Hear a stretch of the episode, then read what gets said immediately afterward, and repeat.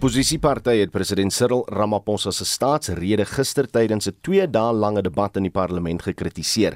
Ramaphosa het 'n gemeen 'n gemengde liewer 'n reaksie ontlok na hy verlede week gesê het werkskepping is die privaat sektor se verantwoordelikheid en nie die staat se nie. Hy het gesê die regering se verantwoordelikheid is om 'n omgewing te skep waarbinne die ekonomie kan groei en werk geskep kan word. Die DA het die geleentheid van die debat gebruik om aan te kondig dat hulle 'n mosie van wantroue in die hele kabinet ter tafel gaan lê. Die leier van die DA, John Steenhuisen, sê Ramaphosa se standpunte oor die ekonomie kom uit die DA se reputasie vir goeie regering, daar waar hulle aan bewind is. None of the things that you uh, appropriated from the DA came from a wish list. There are things we already do where we are in government. And so, you didn't borrow from the DA's manifesto, you took directly from the DA's track record. And that's a good thing. And it's also a very important distinction to make when trying to understand why this economy under your government remains trapped in quicksand. Maar die minister in die presidentskap, Monle Gungubele, het aan Steenhuisen gesê daar's 'n verskil tussen feite en idees. Mr. President, your comprehensive and responsive address was a rallying call to all people of South Africa to join hands in building a better life for all. By calling for a new social compact to implement South Africa's transformation agenda, you are affirming our constitutional directive that national unity in pursuit of human prosperity is a timeless phenomenon. You are alerting our minds to two fundamental revolutionary goals that correcting the ills of the past and building a new South Africa which is inclusive purely on the basis of humanity are two sides of the same coin which is nation building. Die leier van die EFF, Julius Malema, sê die werkloosheidssyfer in Suid-Afrika is die hoogste nog onder Ramaphosa se leierskap. Malema sê die president het sy droom om president te wees nou bereik en dit is tyd vir hom om te gaan. Why are you not leaving us in peace? Because the highest ambition you ever had was to become a president. You have become a president. Now you want to come and serve for a second term. To do what? Because you are not doing anything. You are just on top, but doing nothing on top. What began as a so called new dawn has become massive unemployment, increased violence against women and children, collapsing hospitals, and the greatest threats against the security of the state in the post democratic South Africa. Die adjunkvoorsitter van die Nasionale Raad van Provinsies, Sylvia Lucas, sê Ramaphosa se eerlike opsomming van die ekonomie behoort verwelkom te word. At the center of our current developmental trajectory should be our collective resolve to eradicate poverty, hunger, joblessness, and socio-economic exclusion. Furthermore, in localizing the implementation of this plan, the district development model must be placed at the center of our implementation process. This will ensure that every province, district, and locality adequately benefits from the economic opportunities that must emerge from this plan. Die leier van die Vryheidsfront Plus, Pieter Groenewald, sê om administratiewe rompslomp uit te sny ten einde ekonomiese groei te stimuleer, is niks nuut nie. He said that he's going to establish a task team to look at the red tape. Honorable President, in 2020, you already said that. In fact, you said with the flick of the finger, you can register your company. And I can assure you, with the pandemic in 2020, many fingers had flicked to register their companies to get hold of the money with black economic empowerment and to steal the money meant for the people. Die leier van die African Transformation Movement, Vuyo Zungula, sê die president is besig om openbare ondernemings te vernietig sodat hy rykdom kan bymekaar maak wanneer hy terugkeer na die privaat sektor. Zungula het Ramaphosa se regering ook daarvan beskuldig dat hy deur nie regeringsorganisasies gekaap is. Hy het spesifiek na die posisie van hoofregter verwys. You deliberately destroy SOEs so you can sell them to your friends at a very cheap price.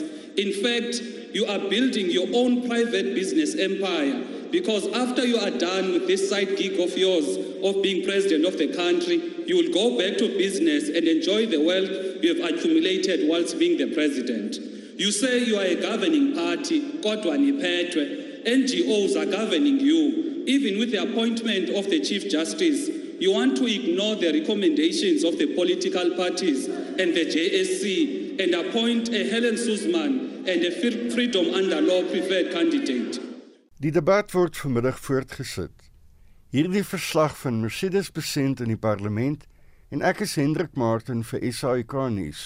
Ons praat nou hieroor met die politieke ontleder aan die of 'n politieke ontleder aan die departement politieke studies en regeringskunde aan die Universiteit van die Vrystaat, Dr Ina Gous. Goeiemôre Ina. Goeiemôre.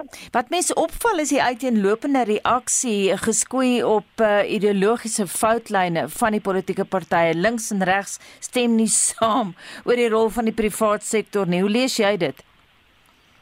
Ja, kyk, ons weet dat daar dit geweldige verdeeldheid is en dit is weer blootgelê. Ehm um, dit is bevestig dat enige konsensus wat uh, 'n nuwe sosiale kontrak wat heeltyd voorgehou word en wat die president voorstel, ehm um, vat in die staan.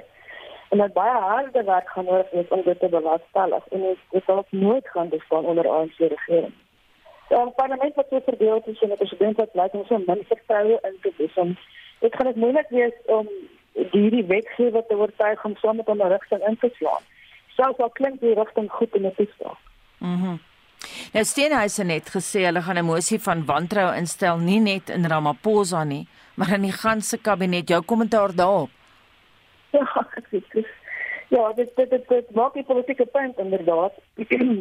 Ehm um, dat dit grondslag is natuurlik, jy weet, uh, ombring geen kans nie. Maar dit maak die politieke punt dat wat se planne die president ook al het, ehm uh, nie kan werk uh, onder die huidige administrasie en uh, al die persone wat die implikasie betrokke is ehm um, by korrupsie en wanbestuur. As mens net kyk na die ehm um, wandelverslae en dat die president dit met 'n agneem um, as hy enigstens wil sukses behaal met enige van die planne wat hy het, gaan hy daadwerklik besluite neem met die, persone wat hy ehm um, tans in sy administrasie het. En ons weet dit was nog al tot dusver vir die president baie moeilike ehm um, situasie want ehm um, dit wat hy wil doen en dit wat die politieke party wil hê, ehm um, nie altyd op dieselfde bladsy te wees. Absoluut. Ons het Vrydag gehoor by uh, jou kollega professor Dirk Kotse van Unisa dat daar eintlik 'n de facto kabinet binne 'n kabinet is in hierdie regering. Stem jy met hom saam? Ja, dit dit maak sin. Daar's ehm um, die wet invloed van die politieke party af wat eh uh, direk invloed het op die administrasie homself ehm um, jy weet besig hou met regering en die persone wat in sekere posisies geplaas word en die reaksie eh, en en en dit wat die president aanteen kan doen. Ehm um, die persone wat hy wel kan uh, jy weet afstel, die wat hy wil aanstel. Ehm uh, daar's geweldige druk en dit kom meer steeds op die uh, debat wat ons nog heeltyd voer is uh, jy weet ek ons president wat bereid is om hierdie moeilike besluite te neem. Ehm um, of is sy politieke oorlewing tot en met die volgende verkiesing belangriker? En dan wie adviseer Ramaphosa? Wie sou by oomblik baie na aan hom? Dit is 'n sekere vraag wat ek dink uh 'n moeilik is op die stadium wat ek wel kan sê, kan sien is dat hy hom begin omring met al die mense. Uh as jy net kyk na die, die presidentsie op die oomblik lyk. Ehm um, al die meer persone word daar betrek en uh dit is 'n groot kommer vir baie dat hierdie uh dit spesifieke afdeling um, so groot word en dat ehm um, is uh, daar nie regtig die hier is oor wie daar in kan wees nie. En of net die invloed gaan begin sien ehm um, op 'n vlak waar daar minder uh, konsultasie gaan wees. Ehm um, dat hierdie tipe invloed op die president ehm um, nie op die lange duur vir die land gaan goed wees nie. Ek dink ehm uh, byvoorbeeld dat daar nou nog 'n uh, taakspan saamgestel moet word in die presidentskap om te sorg dat uh rompslomp jy weet vir vir, vir klein sake ontwikkeling uh, uh, jy weet uh, aangespreek word. Ehm uh, dit is op die ou einde so onnodige ehm um, situasie vir al die departemente betrokke uh, met hulle werk te begin doen. Maar dit daai tipe besluite wat die president neem om al meer van hierdie taakspanne persone rondom hom te skaar en ehm um, uh, vir baie is dit rooi ligte. Mm -hmm. Jy praat nou van die rompslomp. Pieter Groenewald het daarna daarna verwys en gesê maar daai belofte is al in 2020 gemaak. Trouens, hy het 'n aanhaling gebruik with a flick of a finger it can happen. En die punt wat hy maak is elke keer word hierdie ges goed gesê maar niks gebeur nie. Stem jy met hom saam? Ja, 100%. En dit is ook baie groot as dit. Ehm um, die belofte wat gemaak word in 2019 af, sê dit in in in die staatsresolusie. Die belofte wat gemaak word in uh veral met 'n situasie waar uh jy mense wat so ver kry om om om nie langer so op die staat staat te maak. Jy wil klein besighede aan die gang kry sodat hulle uh, jy weet gesinne aan die gang kan hou en dalk selfs mense kan kan werk skep. Um, en dit moet nie so moeilik wees nie. Dit mag nie so moeilik wees. En ek sê die drome al 'n paar dae is ons sit nou wel met 'n 'n minister wat eerder dreig in toesprake om hierdie klein sake wat sogenaamd nie uh wettig besigheid doen eerder toe te maak as om hulle te help om die weet so ver te kom om wettig besigheid te doen. En dit is die instelling wat daar is. Dit is die die die die die, die denkwyse wat dan staan. So um, daar moet baie gebeur vir vir hierdie situasie om te draai. En nou waar plaas hierdie uitlatings oor die privaat sektor die radikale ekonomiese faksie binne die ANC? Ek dink dit bekommer hulle geweldig. Uh veral die wat wil hê dat die staat, jy weet, al meer beheer oor die uh, ekonomie moet hê in steede van minder. Maar nou moet ek ook vir jou bysê, ehm um, uh, dit het my die gevoel gehad dat die president al hierdie uh aspek in sy toestrafse op ingegooi het. Ehm um, jy weet uh, alles wat ek beloof het tot dusver het nie nie. So kom ek sê dit nou. Kom ek sê hierdie keer. Ehm um, die private sektor moet werk skep. Uh in plaas van van 'n belofte te maak dat die regering sou doen. Ehm uh, dit werk gaan skep vir die volgende jaar. En en kyk wat gebeur. Nou ek kan verkeerd wees, maar dit is hoe dit vir my lyk. Want dit wat in plek moet wees vir dit om te slaag bestaan glad nie. Mm. En as dit nie aangespreek gaan word nie, gaan dit net 'n paar 'n paragraaf van 'n toespraak bly. En en dit is die punt. Baie dankie en so sê politieke ontleder verbonde aan die departement politieke studies en regeringskunde aan die Universiteit van die Vrystaat Dr Ina Gous. Verskeie mediaberigte het die afgelope tyd verskyn met die strekking dat die SAIK in 'n finansiële verknorsing is. Die ouditeur-generaal Sakani Maluleke is boona bekommerd dat die uitsaaier se reddingsboei van meer as 3 miljard rand nie sy doel bereik het nie. Verder ontken die SAIK berigte dat die uitsaaier nie salarisse kan betaal nie. Susan Paxton het gister op ons susterprogram Spectrum met die SAIK se finansiële hoof Jolandi van Billjon gepraat. Op hierdie stadium gaan ons waarskynlik nog 'n verlies maak vir die jaar wat kom. Dit is tot 'n groot mate as gevolg van die impak van die pandemie, maar ons is baie seker van ons saak dat die 3.2 miljard wat ons ontvang het, die 96% wat ons van die aksies voltooi het in terme van ons omkeerprogram en die voordele wat ons het uit beide die geld wat ons gekry het, die ondersteuning sowel as die aksies gaan materialiseer in 'n jaar of 2 wat kom. Maluleke is veral bekommerd dat die negatiewe kontantvloei kan beteken dat salarisse nie betaal word nie. Is dit nou of sal dit in die toekoms 'n probleem word? Ons is nie oortuig dat daar enige probleem is nie. Ons is nie seker hoe hierdie konklusie bereik is nie. Van my perspektief af, in die eerste plek en baie van die mense sal beide die gehoor sowel as die SABC werknemers sal onthou hoe ons selfs 2 3 jaar terug toe dinge regtig moeilik gegaan het, altyd die salarisse geprioritiseer het ons voorsien nie op hierdie stadium enige rede dat ons weer op daai stadium moet kom nie. Ja, dinge kan verander. Ons sien dit met ander SOUs, maar heidaglik is dit glad nie 'n rede hoekom ek wakker lê in die nag nie en ek glo dat dit my werknemers en ons gehoor ook gerus sal stel. Maluleke noem ook dat die SAIK bestuur moontlik nie voldoende openbaarmaking in sy finansiële state gehad het nie. Jou reaksie hierop? Die rede vir die gekwalifiseerde finansiële state is die openbaarmaking in die verskoon my Engels irregular expenditure register in die openingsbalans. Dit beteken tot en met 1 April 2020 nie na dit nie. So al die prosesse wat die onderneming in plek gesit het wat baie omvattend is, het verseker dat die kwalifikasie nie meer op in jaar gevalle is nie, maar dit wat ons geërf het en om die waarheid te sê wat ons geërf het in 2018 toe dit 5 miljard rand was en daar is reeds 'n projek aan die gang om ook die volledigheid te bevestig vir 2018-19 en die balans van 2020. So dit is die enigste rede waar die beperkte openbaarmaking vandaan kom. En dan wat van berigte in City Press dat die SAIK se kantore in Pretoria wou skuif? Enige waarheid daaraan? Al ons lees dit nou maar ook in die koerante, weet nie waar die gerugte vandaan kom nie. Die Pretoria kantoor is besig om te skuif en ons kyk na verskeie opsies in die verband. En dan net laastens, eh, hoe lyk die SAIK se finansies tans? Werk julle planne om hierdie skip om te draai? Maar die CFO sal altyd 'n bietjie meer wil hê van alles en ek is veronderstel om almal op hulle tone te hou. So ek jaag die hele lot rond en ek is permanent besig om te kla oor iets. Maar ek dink mense vergeet hoe ver ons gekom het in die 3 jaar wat ons nou in ons plan af is. Daar is fenominale vordering wat gemaak word. Ja, die pandemie het 'n bietjie van 'n spoedhobbel in ons in almal se paaie gesit, maar ons bly toegewyd aan die plan en dit wat ons seker is hy gaan realiseer. Ons gaan binnekort ons begroting bekend maak en ons hoop dat selfs in die sal die impak van die plan en die ondersteuning wat ons gehad het en elke liewe aksie van almal in ons onderneming die afgelope 3 jaar gaan sigbaar wees.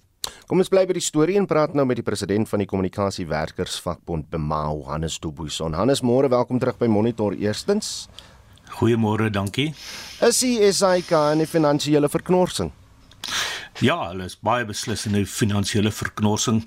As 'n mens kyk na hulle finansiële state, dan sien 'n mens dat hulle uitgawes het uh, verminder en dit is maar hoofsaaklik as gevolg van die uh, personeelvermindering uh, wat gebeur het maar ons sien dat hulle inkomste uh, drasties uh, verminder het die advertensie inkomste aan die kant van die SAIK en dit is natuurlik 'n bron van kommer want dit was een van die punte wat in hulle uh, plan wat hulle ingedien het by die minister uh, het hulle gesê dat hulle gaan uh, hierdie uh, ommekeer in die uh, SAIK se finansies gaan hulle bewerkstellig uh, deur hierdie plan wat hulle wat hulle dan nou uh, uitgerol het uh, wat begin het met hierdie artikel 189A proses waar 'n klomp mense hulle werk verloor het. Die ouditeur-generaal sê die reddingsboei van meer as 3 miljard rand het nie die SAIK se finansiële posisie verbeter nie.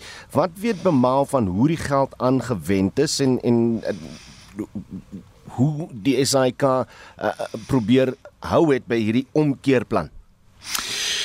Wel, die ouditeur-generaal is bekommerd dat daardie ehm um, uh, reddingsgeld nie korrek bestee is nie. Uh, ons glo in die finansiële jaar wat nou ten einde gekom het in die volgende jaarverslag behoort ons daaroor uh, meer te lees en te sien. Uh, die SAIK het byvoorbeeld nie daardie uh, geld gebruik vir hulle kapitale uh, uitleg uh, wat hulle en en dit is uh, wat dit veronderstel was uh, om om hoofsaaklik uh, voorgebruik te word. So uh, daar is ook uh, die betaling van sekere skuldeisers uh, aan die kant van die SAIK en ons weet dat uh, daardie mense is betaal uh maar die kapitale uitleg uh daardie geld uh, daar is 'n tekort aan hoe daardie geld uh, spandeer is. Die uh, hoof van finansies Jolande van Billion het nou net uh, ons het nou net gehoor sy sy sê dit hou haar nie in die aand wakker uh, as dit kom by salarisse nie. Uh, het julle kommer daaroor? Ons is uiteraard baie bekommerd oor dit. Ehm um, die uh, vergelyking wat sy getref het uh, die vorige jare uh, is nie van toepassing uh, op hierdie spesifieke geval of nou hierdie tydperk nie. Daar was toe nie uh, reddingsgeld uh, betrokke nie. Uh, daar dit is 'n spesifieke voorwaarde gewees dat daardie reddingsgeld nie vir salarisse gebruik kan word nie. Ehm um, en en en dit is uh, ons bekommernis is wanneer ons by uh, by die tyd kom wanneer uh, daar 'n krisis kom rondom salarisse dat die SHK moontlik gaan uh, probeer om daardie reddingsgeld te gebruik om salarisse te betaal. Uh, ons het in die verlede gesê en ons sê weer eens dat Daar is ernstige probleme ten opsigte van bestuur by die SAIK oor hoe die adverteerders van die SAIK geteken word en en daar is 'n groot probleem rondom advertensieinkomste en daar's ook 'n groot probleem rondom die televisie uh lisensiegelde wat ingevorder word. Daar is geen vordering gemaak uh om om daardie bedrag en daardie invordering te verhoog nie. So anders soos ons weet, die afdankingsproses is nou voltooi. Jy sê daar's minder advertensiegeld wat inkom. Waar kan die SAIK nou nog besnoei? Wel mens kan nie verder besnoei nie want uh, wat ons weet eh, ons het die SAIK amptelik daaroor gevra en ons het 'n 'n baie vaag antwoord rondom dit gekry dat hulle 'n klomp nuwe mense aangestel het. Uh ons vermoed meer as wat afgedank is. Ehm um, maar daar is 'n klomp en ons sien daagliks nog 'n klomp poste wat geadverteer word en wat gevul word. So daar kan nie verder aan personeel gesny word nie. Uh, dit weet ons. Ehm um, die die die enigste oplossing wat ons sien is is dat ons moet um, ons moet ervare bestuur kry wat weet hoe die mediabedryf werk uh, en daardie bestuur uh, moet uh, in plek kom om die SAIK om te draai in terme van advertensieinkomste en ook daar moet 'n strenger uh, gekyk word na televisielisensie uh, gelde wat ingesamel word. Die SAIK skynbaar het uh, half uh, handdoek ingegooi uh, want daar is nou voorstelle van hulle dat daar 'n belasting gehef moet word uh, ons weet wat gebeur ten opsigte van belasting. Dit is net 'n klein gedeelte van die bevolking wat daardie belasting ook betaal. Uh so 'n mens uh dit is nie die oplossing om om dan nou 'n belastingstelsel in plek te sit in plaas van uh televisie lisensiegelde nie. Is jy bekommerd dat uh, ons miskien in hierdie finansiële jaar nog opnuut gaan kyk na afdankings? Die SAIK het al sulke geleide gemaak, maar ons kan regtig nie sien hoe die SAIK ons ons vermoed juis dat die die personeel is in so mate besnoei en ons weet en ons het uh, rondom dit het ons gewaarsku tydens hierdie artikel 189 proses dat in die vorige proses wat uh, deur McKinsey gedoen is dat die SAIK weer 'n klomp mense moes heraanstel en toe teen verhoogde salarisse omdat daardie personeel geweet het dat die SAIK hulle benodig. Dit het weer gebeur in hierdie afleggingsproses waar die SAIK mense heraangestel het wat hulle afgedank het. Ehm um, en uh, ons is nie heeltemal seker uh, teen watter uh, vergoeding daardie mense aangestel is nie, maar ons kan nie uh, die SAIK kan nie mense sny nie, vernaam nie as 'n mens kyk na die hoeveelheid poste wat geadverteer word um, en gevul word op 'n daaglikse basis nie. Dit was die president van die kommunikasiewerkers vakbond Bemau, Hannes Dubuisson. 21 minute voor 8 en die Suid-Afrikaanse plaaslike regeringsvereniging of SALGA nader die hof om Eskom te dwing om elektrisiteit uitsluitlik aan munisipaliteite te verskaf. Indien SALGA sou slaag, sal Eskom nie langer elektrisiteit regstreeks aan sommige verbruikers soos byvoorbeeld boere mag verskaf nie. Oor die moontlike gevolge hiervan praat ons nou met 'n dosent by die skool vir chemiese en uh, mineraal ingenieurswese aan die Noordwes Universiteit Corneels Schabort. Corneels, môre welkom terug by Monitor. Môre Oudo, dankie. Eskom bevind hom hier midde in 'n hofstryd. Hoe is die saak tot op hierdie spits gedryf? Wel, wetgewing het 'n baie gelede verander wat basies bepaal dat elke enkele vierkante meter van Suid-Afrika onder 'n munisipaliteit of onder 'n metro val. En wat nou gebeur is is dat sommige persone wat in die verlede direk krag by Eskom aangekoop het, soos byvoorbeeld boere, maar ook groot maatskappye soos Sasol, wil nou deur Salda gedwing word om by die munisipaliteite krag aan te koop eerder as direk by Eskom. So die implikasie daarvan gaan wees dat hierdie entiteite wat baie boere insluit, wat baie private instansies insluit, gaan duurder betaal vir presies dieselfde krag as in die verlede. So dis waar dit gaan neerkom. Maar ek het nou net gevra, baie van die kragopwekkingsprojekte uh, wat veral krag uh, aan aan aan boere uh, deurstuur is is privaat vennootskappe as hulle nie? Wel dit is daar sit jy 'n direk jy's 'n direkte kliënt van Eskom. So met ander woorde al wat hierdie net op neerkom is, onthou is dat sal daar belê dan met 'n middelman in hierdie stelsel ingebring word. En hierdie is nie 'n baie effektiewe middelman nie. As ons kyk wat in munisipaliteite gebeur tans, as jy kyk na hoeveel substasies opblaas, as jy kyk na die swak instandhouding in munisipaliteite wat plaasvind, hierdie is 'n stap heeltemal in die verkeerde rigting om dit te doen. So wat dit beteken is, dit is net munisipaliteite wat desperaat is vir meer geld. Wat hulle eerder moet doen is is om die wanbetalers wat in munisipaliteite is, daardie persone se krag se se geld in te vorder dat mense betaal vir die dienste wat hulle ontvang. Maar wat tans gebeur is, die regerende party is baie huiwerig om sy kiesers te ontstel. So eerder wat gebeur is, die wanbetalers moet nou maar aanhou wanbetaal en ek sluit daarbey in staatsdepartemente. Dit is skokkend dat die regerende party se eie staatsdepartemente nie eers die munisipale rekeninge betaal nie. So wat hulle nou wil doen is, hulle gaan agter die persone wat wel in staat is om te kan betaal, die boere, die private instansies. So hierdie is 'n desperate poging om geld in te samel wat glad geen teenprestasie gaan lewer van beter elektrisiteit of beter effektiwiteit in ons land nie. Nou soos soos ons gesê het, dis nou 'n hofstryd. Eskom sê hy sal Salga se aansoek teenstaan en sy regte verdedig. Kan hy daarop aanspraak maak dat dit sy reg is om krag te voorsien aan wie ook al hy goed dink?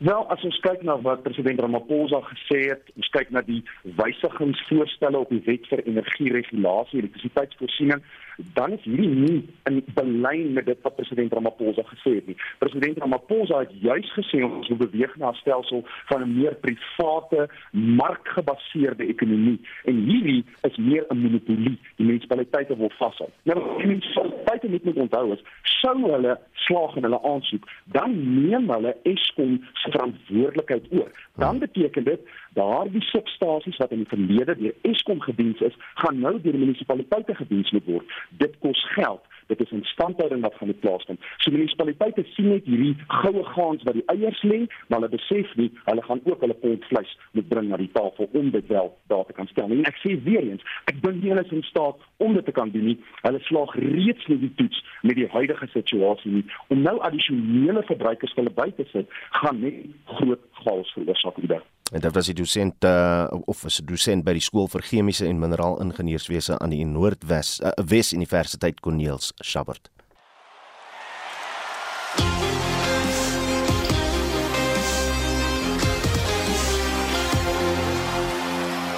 Kom ons beweeg nou na die sportveld met Shaun Jooste.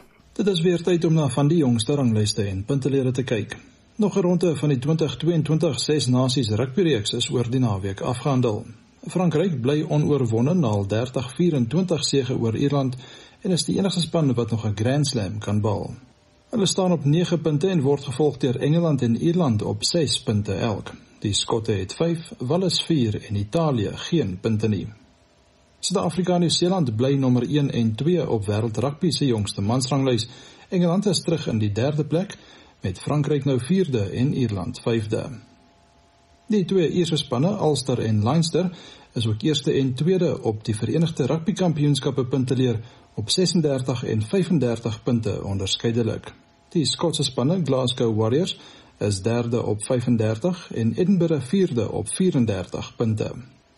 Ons kyk ook na die Suid-Afrikaanse franchises. Die Stormers is sewende op 23, die Sharks negende op 20, die Bulls 12de op 17 en die Lions 14de op 12 punte na 9 wedstryde. Die Waasdiebeker reeks het gisteraand afgeskop. Die top 4 spanne na die eerste ronde is die Shimlas, Wits, UCT en UJ op 5 punte elk. Gisteraand se tellings was Noordwes Arende 26, UCT 35, Tikkies 9, Maties 19, Wits 31, Madibas 20 en CUT 42, UJ 44. Die wedstryd tussen UWC en die Shimlas is afgelas met die Shimlas wat die oorwinning kry. Kriket. In die plaaslike KSA T20 uitdaging in Kaberga bly die Westelike provinsie die voorlopers op 12 punte na 3 wedstryde. Die Titans het ook 12 punte maar na 4 wedstryde. Die Northwest Dragons staan op 9 en die Dolphins op 8 punte. Op die internasionale front pak Australië en Sri Lanka mekaar later vanoggend in die derde van 5 T20 wedstryde. Die tuisspan loop 2-0 voor. Hokkie. Die Suid-Afrikaanse been van die Pro Liga reeks vind in Potchefstroom plaas. Ons mans Protea span leer harde lesse en het tot dusver al 4 wedstryde verloor. Hulle is laaste op die punteleer, maar hoop om Frankryk vanaand te klop. Nederland, België en Indië is die top 3 spanne. Sokker. Mamelodi Sundowns bly gemaklik voor in die DStv Premier Liga en staan nou op 48 punte na gisteraand se 1-1 gelykop uitslag teen Baroka FC. Orlando Pirates is tweede op 30, Stellenbosch FC derde op 29 en Kaizer Chiefs vierde op 28 punte. In die Engelse Premier Liga bou Manchester City hul voorsprong en staan op 63 punte. Liverpool is tweede op 54, Chelsea derde op 47 en West Ham United vierde op 41 punte. Tennis. Die wêreld se top 3 mans en vroue spelers bly onveranderd. Die mans is Novak Djokovic van Servië, Daniel Medvedev van Rusland en Alexander Zverev van Duitsland. Suid-Afrika se Lloyd Harris val met 1 plek na 35ste en Kevin Anderson spring met 8 plekke na 93ste. Ryan Klassen ook van Suid-Afrika sak met 3 plekke terug en is nou 26ste op die mans dubbelspel ranglys. Hy en sy spanmaat Ben McLaughlin van Japan is ook deur na die tweede ronde van die toernooi in Marseille in Frankryk. Die vroue spelers is Ashley Barty van Australië, Aryna Sabalenka van Belarus en die Tsjech Barbora Krejcikova. In laastens in die golfwêreld bekleed die Spanjaard Gon Ram die nommer 1 posisie op die jongste mansranglys. Die Amerikaner Collin Morikawa bly tweede en sy landsgenoot Patrick Cantlay is nou derde. Suid-Afrika se Louis Oosthuizen val met 1 plek na 13de, Christian Besaidnout sak met 3 plekke terug na 56ste en Erik van Rooyen is steeds 63ste. Die top 3 vroue spelers is Jin Young Ko van Suid-Korea, Nelly Korda van die VSA en Lydia Ko van Nieu-Seeland. Suid-Afrika se Ashley Buy is nou 93ste. Shaun Schuster, RSG Sport. Ons beweeg nou na internasionale nuusgebeure en die Amerikaners sê môre is dalk die dag van die inval deur die Russe in Oekraïne en ons praat veraloggend hier oor met Estie, maar intussen het leiers eh, van Amerika en die Verenigde Koninkryk gesê alle hoop is nog nie heeltemal verlore vir 'n diplomatieke oplossing nie, maar hulle sê die situasie is broos soos wat ons nou al die afgelope maand sê. Is dit ook interessant uh, Antonio Guterres het ook vanoggend gesê diplomatie is die enigste weg vorentoe. Dis korrek Anita en die president van die FSA Joe Biden en Brittanje se eerste minister Boris Johnson het gister 40 minute lank per telefoon beraadslaag en saamgestem dat 'n ooreenkoms steeds moontlik is ten spyte van dringende waarskuwings van Russiese militêre optrede. Hier is Boris Johnson. We are on the edge of a, of a precipice, but there is still time for President Putin to, to step back. And what we're urging is for everybody to engage in, dialogue, uh, for a conversation to take place, and uh, for the Russians to avoid what I think everybody, certainly everybody in the UK, can see would be a disastrous mistake. In 'n verklaring wat deur Downingstraat uitgereik is, sê die leiers beklemtoon dat dit verrykende gevolge vir Rusland en die wêreld sal hê as hy Oekraïne binneval. Oekraïne se president Vladimir Zelensky het 'n toespraak aan sy nasie gelewer en gesê 16 Februarie, die dag wat deur die FSA amptenare genoem is as die moontlike dag waarop Rusland sal toeslaan, as 'n dag van eenheid verklaar word. Hy het gesê Oekraïne is selfversekerd en sterker as ooit. Maar Rusland het telkens ontken dat hy beplan om Oekraïne binne te val. Rusland se minister van verdediging het aan president Vladimir Putin gesê van die land se militêre oefeninge naby die grens aan Oekraïne is reeds beëindig.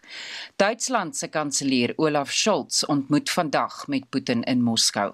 Hy het gister met Zelensky in Kiev vergader. In teenstelling met vroeëre uitlatings deur sy regering het Zelensky gister gesê Oekraïne sal nie sy reg opgee om by NAVO aan te sluit om die krisis tussen Oekraïne en Rusland te ontlont nie. Hier is die Duitse kanselier Olaf Scholz. Ich mache hier in Kiev I'm making it clear once again here in Kiev that Ukraine's sovereignty and territorial integrity are non negotiable for Germany. We therefore expect Russia to take clear steps to de escalate the current tensions. Die FSA se ambassade in Kiev is egter alreeds heeltemal ontruim en na die westelike Russiese stad van Lviv verskuif. Nog 'n wêreldnuusbrandpunt is Ottawa waar die protesoptog deur vragmotorbestuurders teen verpligte inenting steeds voortduur en die eerste minister Justin Trudeau het nou noodwetgewing daar gestel in 'n poging om daai optog te beëindig. Trudeau sê die maatreëls van die wet is redelik, het 'n tydsbeperking en kan gebruik word sonder dat die weermag ontplooi word. Ingevolge die wet kan die bankrekeninge van betogers gevries word sonder dat 'n hofbevel uitgereik moet word. The Emergencies Act is not something that's been used ever, but it exists for a reason. Invoking the Emergencies Act is never the first thing a government should do, nor even the second. The act is to be used sparingly and as a last resort. Right now, the situation requires additional tools not held by any other federal, provincial, or territorial law.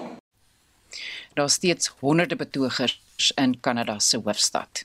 Vandag presies 'n maand gelede het 'n vulkaniese uitbarsting en tsunami in Tonga uitgebreek en volgens die ruimteagentskap NASA was die uitbarsting 100 keer kragtiger as die atoombom wat tydens die Tweede Wêreldoorlog in Hiroshima en Nagasaki natuurlik gegooi is op hulle gegooi is en Tonga was in as gehul kraglyne is afgesny en sy verbindings met die res van die wêreld was ook voort. Hoe lyk sake nou, Estie?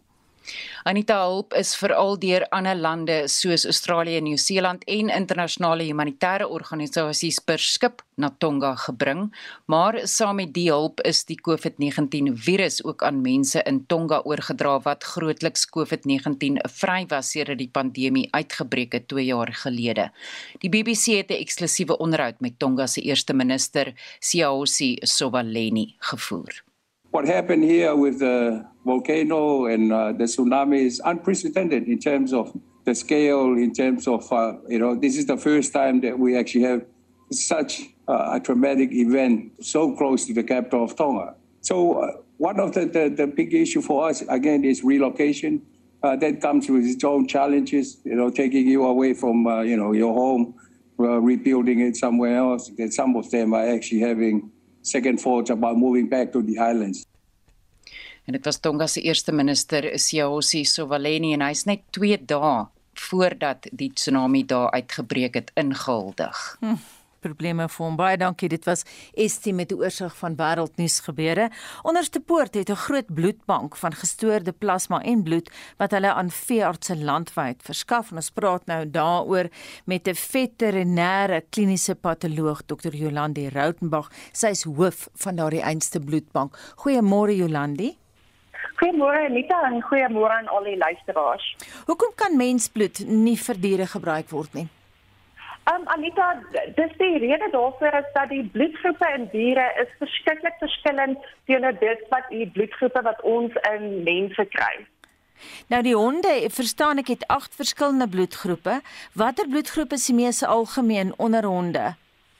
Ja, so hulle het 8 um, bloedgroepe en in die laaste 5 tot 10 jaar het ons um, soos die mediese veld vir twee nuwe bloedgroepe ook geïdentifiseer So wat ons gewoonlik gebruik is um, vir die uh, skenkers, moet hierdie honde negatief wees spesifiek vir die bloedgroep 1 en 7.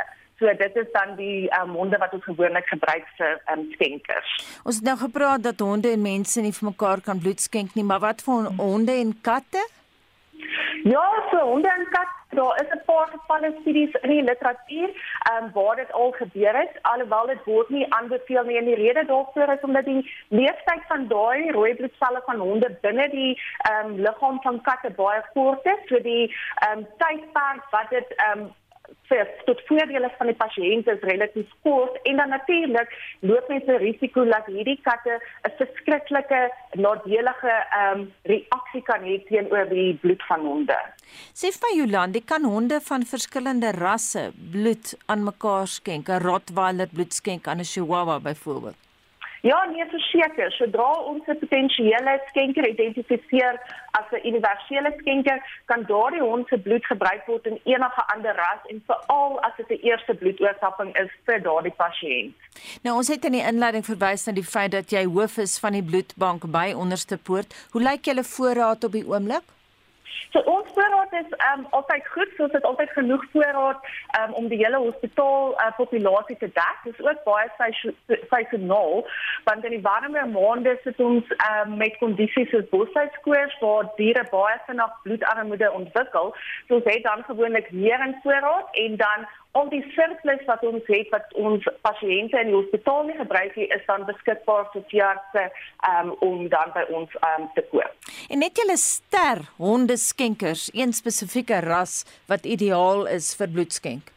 Ja nee, definitief. So, ons bloedbank gebruik meestal um, honde wat in privaat besit is maar ons het by die fakulteit ook ons eie groepie windhonde wat ons gebruik um, en hulle word hierso aangehou spesiaal vir noodgevalle so wanneer ons pasiënte het wat partieel bloed nodig het um, in die hospitaal dan is hulle hier op kampus en ons gebruik hulle baie unieke honde, hulle is fisiologies baie uniek en onder andere het hulle 'n hoë rooi seltelling. So as jy vir hulle vergelyk met ander rasse, het hulle 'n baie hoër bloedseltelling en daarom is hulle regtig ideaal om gebruik te word as skenkers. Jolande, nou mense wat skenk, kry altyd koekies en 'n sappie en so en kry daai honde 'n bederfie as hulle klaar bloed geskenk het verseker, ek eh, het uh, gaan bevestig ook um, by ons verpleegster wat direk daarmee betrokke is en sy sê daar is baie bedersies en honde en eienaars sien uit na hierdie um, sessies van bloedskenking um, hier by die kampus.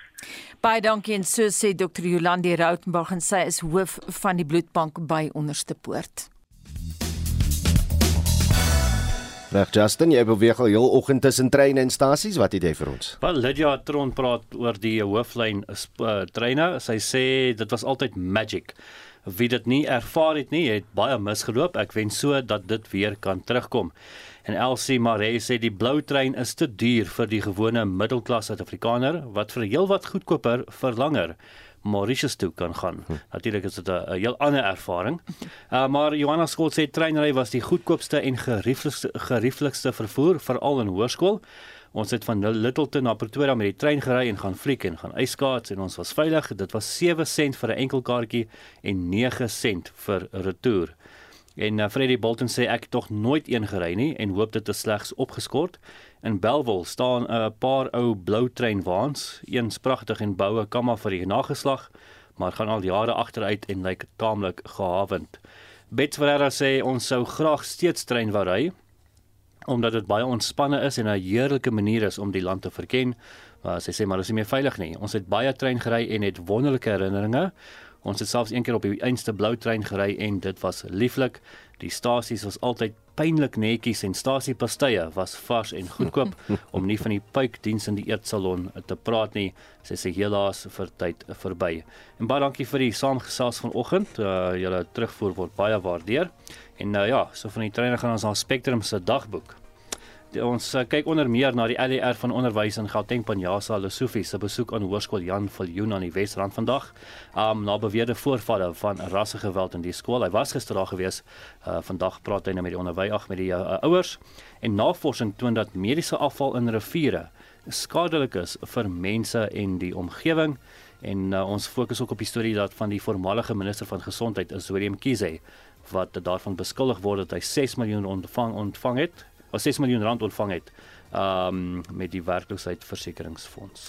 Die monitor span groet namens ons uitvoerende regisseur Nicoline de Wee, die man in die warm stoel vanoggend Hendrik Martin, ons produksieregisseur Daitron Godfrey, ek is Anita Visser. En ek is Oda Karelse.